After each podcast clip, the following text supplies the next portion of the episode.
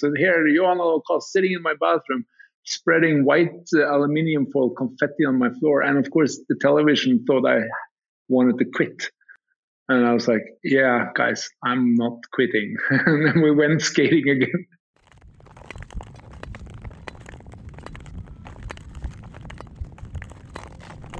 Hoi, ik ben Jessica en ik schaats.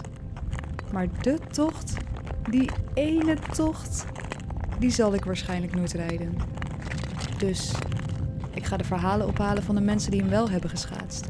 En in deze Elfsteden-podcast neem ik jullie mee op mijn reis. Ruim 5200 deelnemers, jonge en ouderen uit alle provincies, zijn te Leeuwarden bijeengekomen om de traditionele rit langs de Friese Elfsteden te rijden. Hier in Hinderlopen moeten de rijders een stuk klunen, zoals heel Nederland nu weet. Overal wordt de doorkomst van de toerrijders tot een feest gemaakt.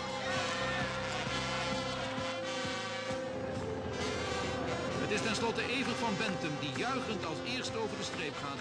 Na 6 uur, 46 minuten en 47 seconden. In zijn knalrode schaatspak dat slechts lichtjes zijn stevige staalkabelbenen verhulde, was Johan Olof Kos de Noorse schrik van het Nederlandse schaatsen in de jaren 90. Hij werd de keizer van de Olympische Spelen in Lillehammer, waar hij drie gouden medailles won.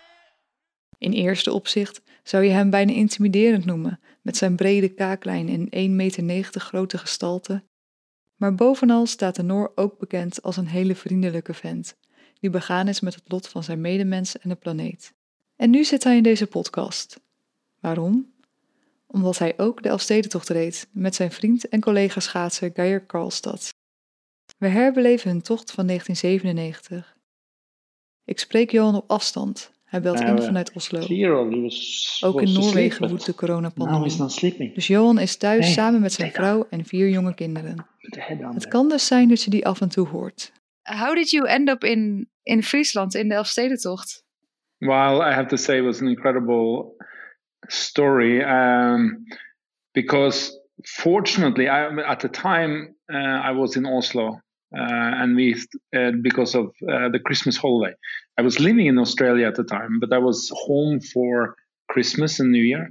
And I got phone calls from my friends in Holland saying, "Hey, it's freezing up. It's getting cold, and it might be the uh, you have to come and try it." And then they said, "Wow, of course." And it's uh, I kind of delayed my return to uh, back to medical school in Australia, and I said, "Okay, that's, there is a chance. I'll definitely join."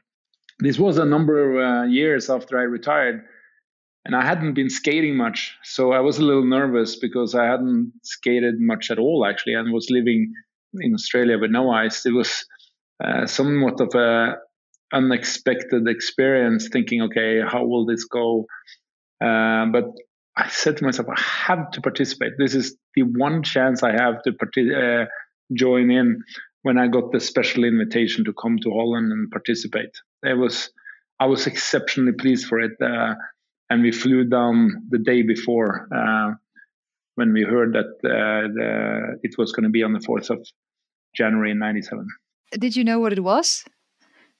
Oh yes, uh, I've Yes. been uh, witnessed. Uh, I, I was not participated in the 86, 87 version of it, uh, but obviously I've seen it, and I was listening to a lot of my fellow speed skaters in Norway. At the time, I was too young, but at the time they were like uh, saying, "Oh, well, should we join or not join?" They didn't join uh, that year or those years, and I was like, and then many regretted it later, like uh, as as an opportunity. So uh, I was fortunate that they uh, didn't do it because they regretted. So I had a chance to say we would definitely do it, and I I called Geir Karlstad.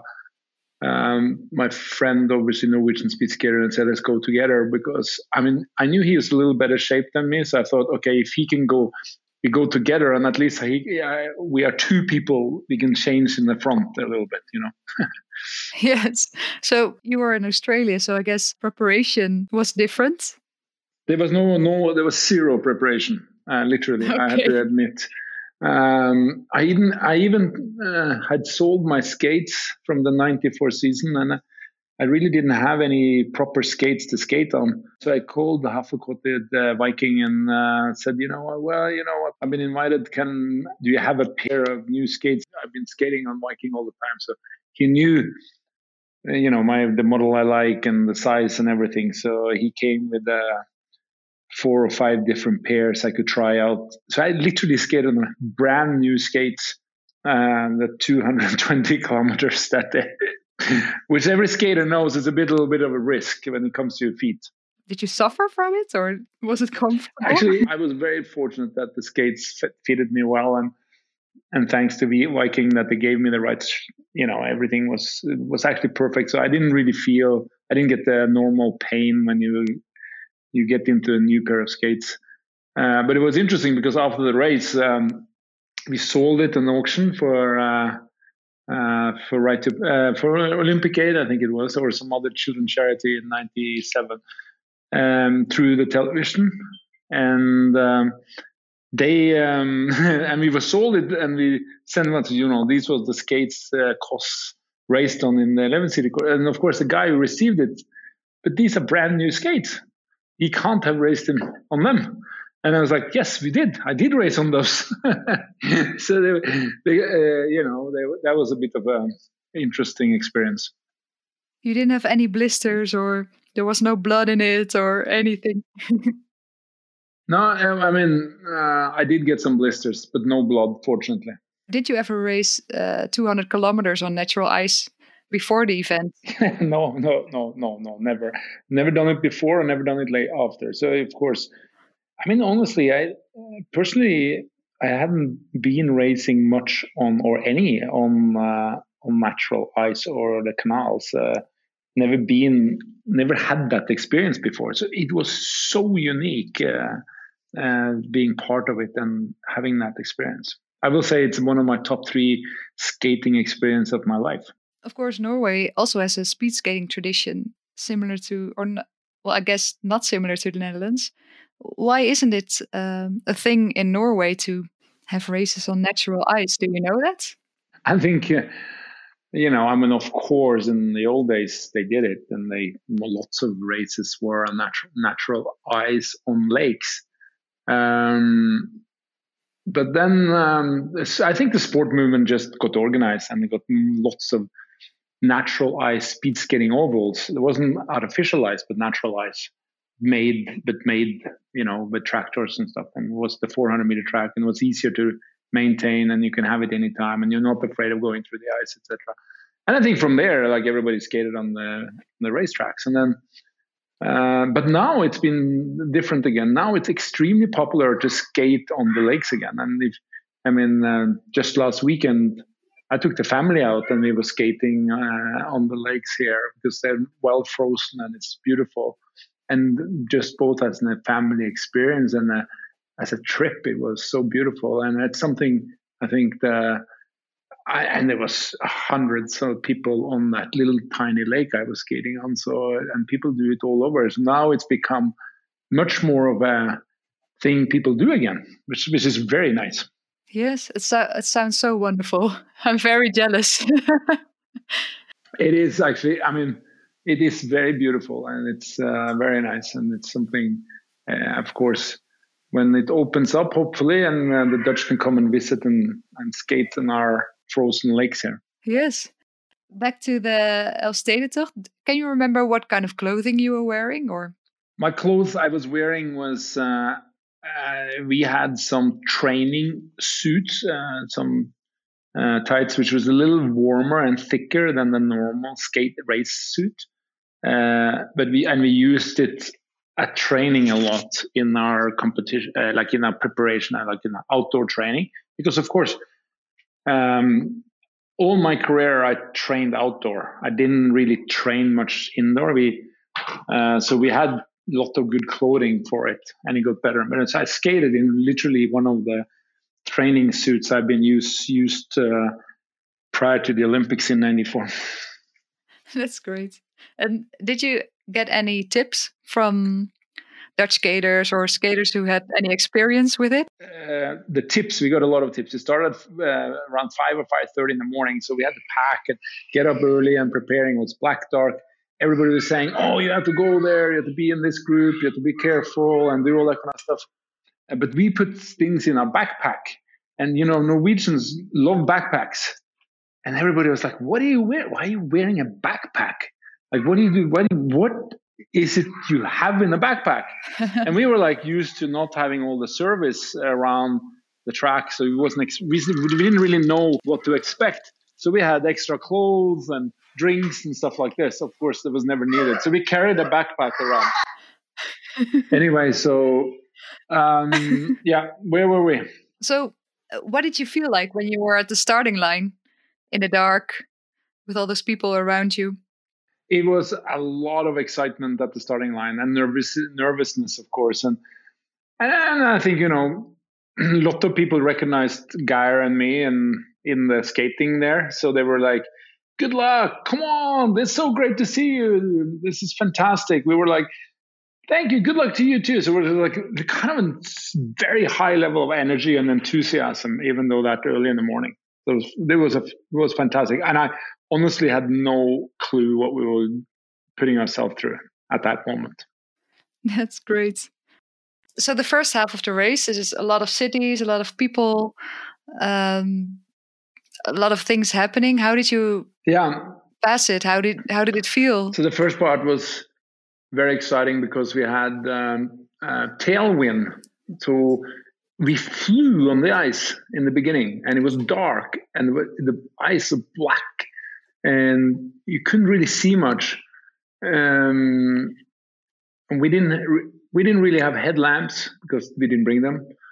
Uh, while some had them and some didn't. I mean, we were flying on the ice. I can remember we were like the first 30, 40 kilometers we did in less than kind of run 40, 40 kilometers in uh, less than an hour. And I was like, wow, this is fast. This is so much fun. Um, and it was still very dark. And then when we turned, I have no idea where I was, of course, but you turn and you kind of start going north. Uh, and we got that all that uh, tailwind as a headwind. And I think we had 140 kilometers with massive headwind and the only thing I could remember then was like, how am I going to get through this? It was almost impossible. There was so much wind. And of course, fortunately, uh, you know, I mean, there is, you say there's a lot of cities and stuff, but it didn't feel like it. And the t- small villages and the places we went through where it was a little less wind was most beautiful. And of course, it was so exciting to be that up to the time. And actually, halfway, about after 100 kilometers, I was so tired. I had no idea. It was like it I was cramping up in both legs. Uh, my thighs was cramping, and I was like, oh. um, I was going behind Geir, and I was just barely managing to keep up with him. We were a group of only four or five, six people, and I was like, oh, I need something to drink quickly, uh, like a sports drink or something, and and uh, but I was like this is fortunately Geir had more energy at that stage, so I could uh, be behind him, and I was just doing everything I could to stay to keep skating. Literally, it went slow. It was hard. it was cold. Um, yeah, it was interesting. Did you uh, think about quitting? I didn't think about quitting now, but um, I have a funny episode in the 11 city. There was around 120, 130 kilometers somewhere around there. Um, I needed really to go to the bathroom, and I didn't. There weren't any bathrooms around there, and um, I was like, "Where? What am I going to do?" And there was one of the houseboats on the river, and I, it was interesting because just at the same time there were like. Uh, television motorbike following us, filming us live. And I thought, oh, this guy has to leave soon. I can't. I need to go. You know, and you don't know what to do. and finally, was, and he didn't leave, and I just like I can't wait anymore. And I saw this houseboat, and I saw an old woman standing in the boat, and I was like, all right, that's my place. And I scratched out, left, uh, uh, um, left, left the the ice and walked into the houseboat. The, the, wonderful lady couldn't speak a word of English, and I just kind of signaled that I needed to go to the bathroom. and uh, she kind of let me in, and I went in the, uh, the, uh, the, toilet, of course, and I, had to pull down the suit. And what I didn't tell you earlier, which is very important, was that we have a trick in Norway when it's cold. If you put aluminium foil underneath the suit because it keeps the warmth in. Because, but after 130 kilometers skating, the aluminium foil was in 5,000 pieces. So when I opened the suit, it fell all over her bathroom floor. and it was everywhere. like a conf- like confetti. yeah, like confetti, exactly. Silver confetti in the bathroom. So here, Johann Koss sitting in my bathroom, spreading white uh, aluminium foil confetti on my floor. And of course, the television thought I wanted to quit. So they were standing filming. And when I came out, there were like 20 or 30 kids waiting for me outside the houseboat, wondering if I was going to continue or not. And I was like, yeah, guys, I'm not quitting. and then we went skating again. that, yeah, I think that comes to one of my most embarrassing moments in my uh, television stories. Yeah. It's a beautiful story. I think it's wonderful. and um, did you have any help along the way? No. I, I guess from the uh, person you were riding with? Yeah. Geir and I, of course, we were. Um, I mean, we had, some, of course, our Dutch friends, uh, but they helped us because we were at the starting line and they went welcomed them in finish line. But the, you know, the the race was so well organized, and um, there were drinking stations and food and that kind of thing. I remember we coming up, to, we all the way up north. Uh, I always forget that city. It's not Groningen, but another one where you turn around and start going back down again. Yeah, I guess it's Dokkum. Dokkum, ja. Dokkum, Dokkum. Aan het einde van de hel van het noorden, na 50 kilometer lang zwoegen door niemands land met de wind vol tegen, is daar de tiende stad, Dokkum. De straffe wind voert een immens kabaal met zich mee dat je oorschelpen bereikt nog voordat je het lichtbaken van de stad aan de horizon ziet verschijnen. Honderdduizenden mensen hebben zich in de stad verzameld. Het is er één groot feest rondom het keerpunt, waarna je als rijder nog slechts 25 kilometer tot de finish in Leeuwarden hoeft te glijden, met de wind in je rug. There must have been 100,000 people there. It was music, bands, food.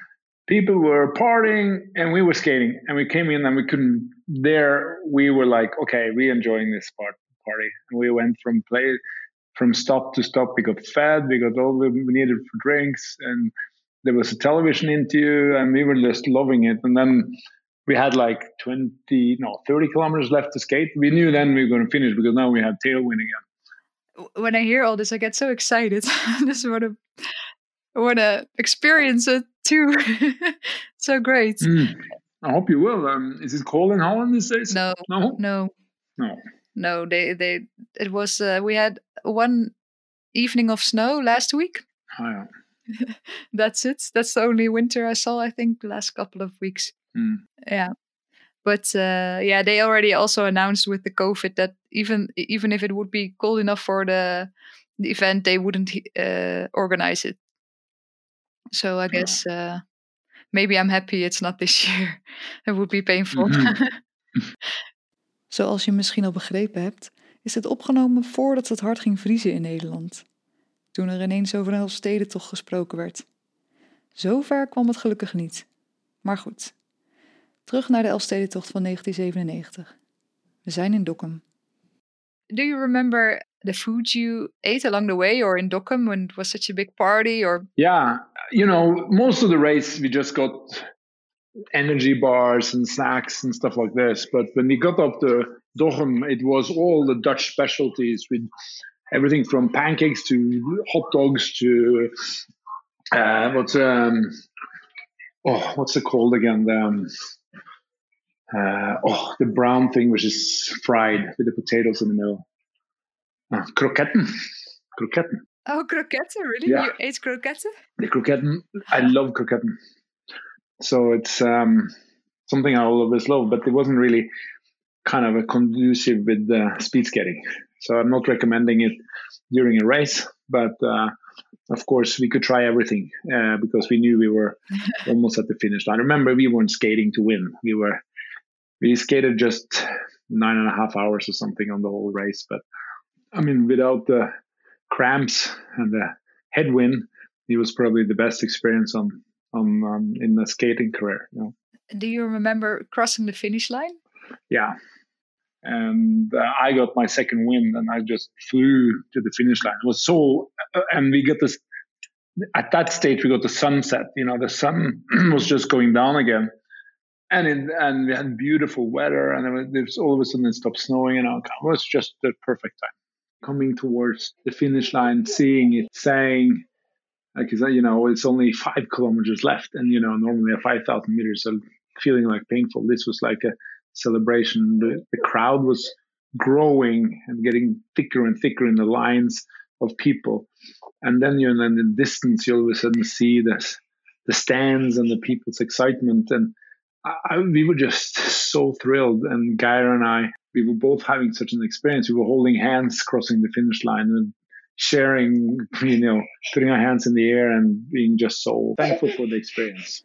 Johan moest er even tussenuit om een van zijn kinderen in bed te leggen. Hij keerde terug voor de laatste vraag.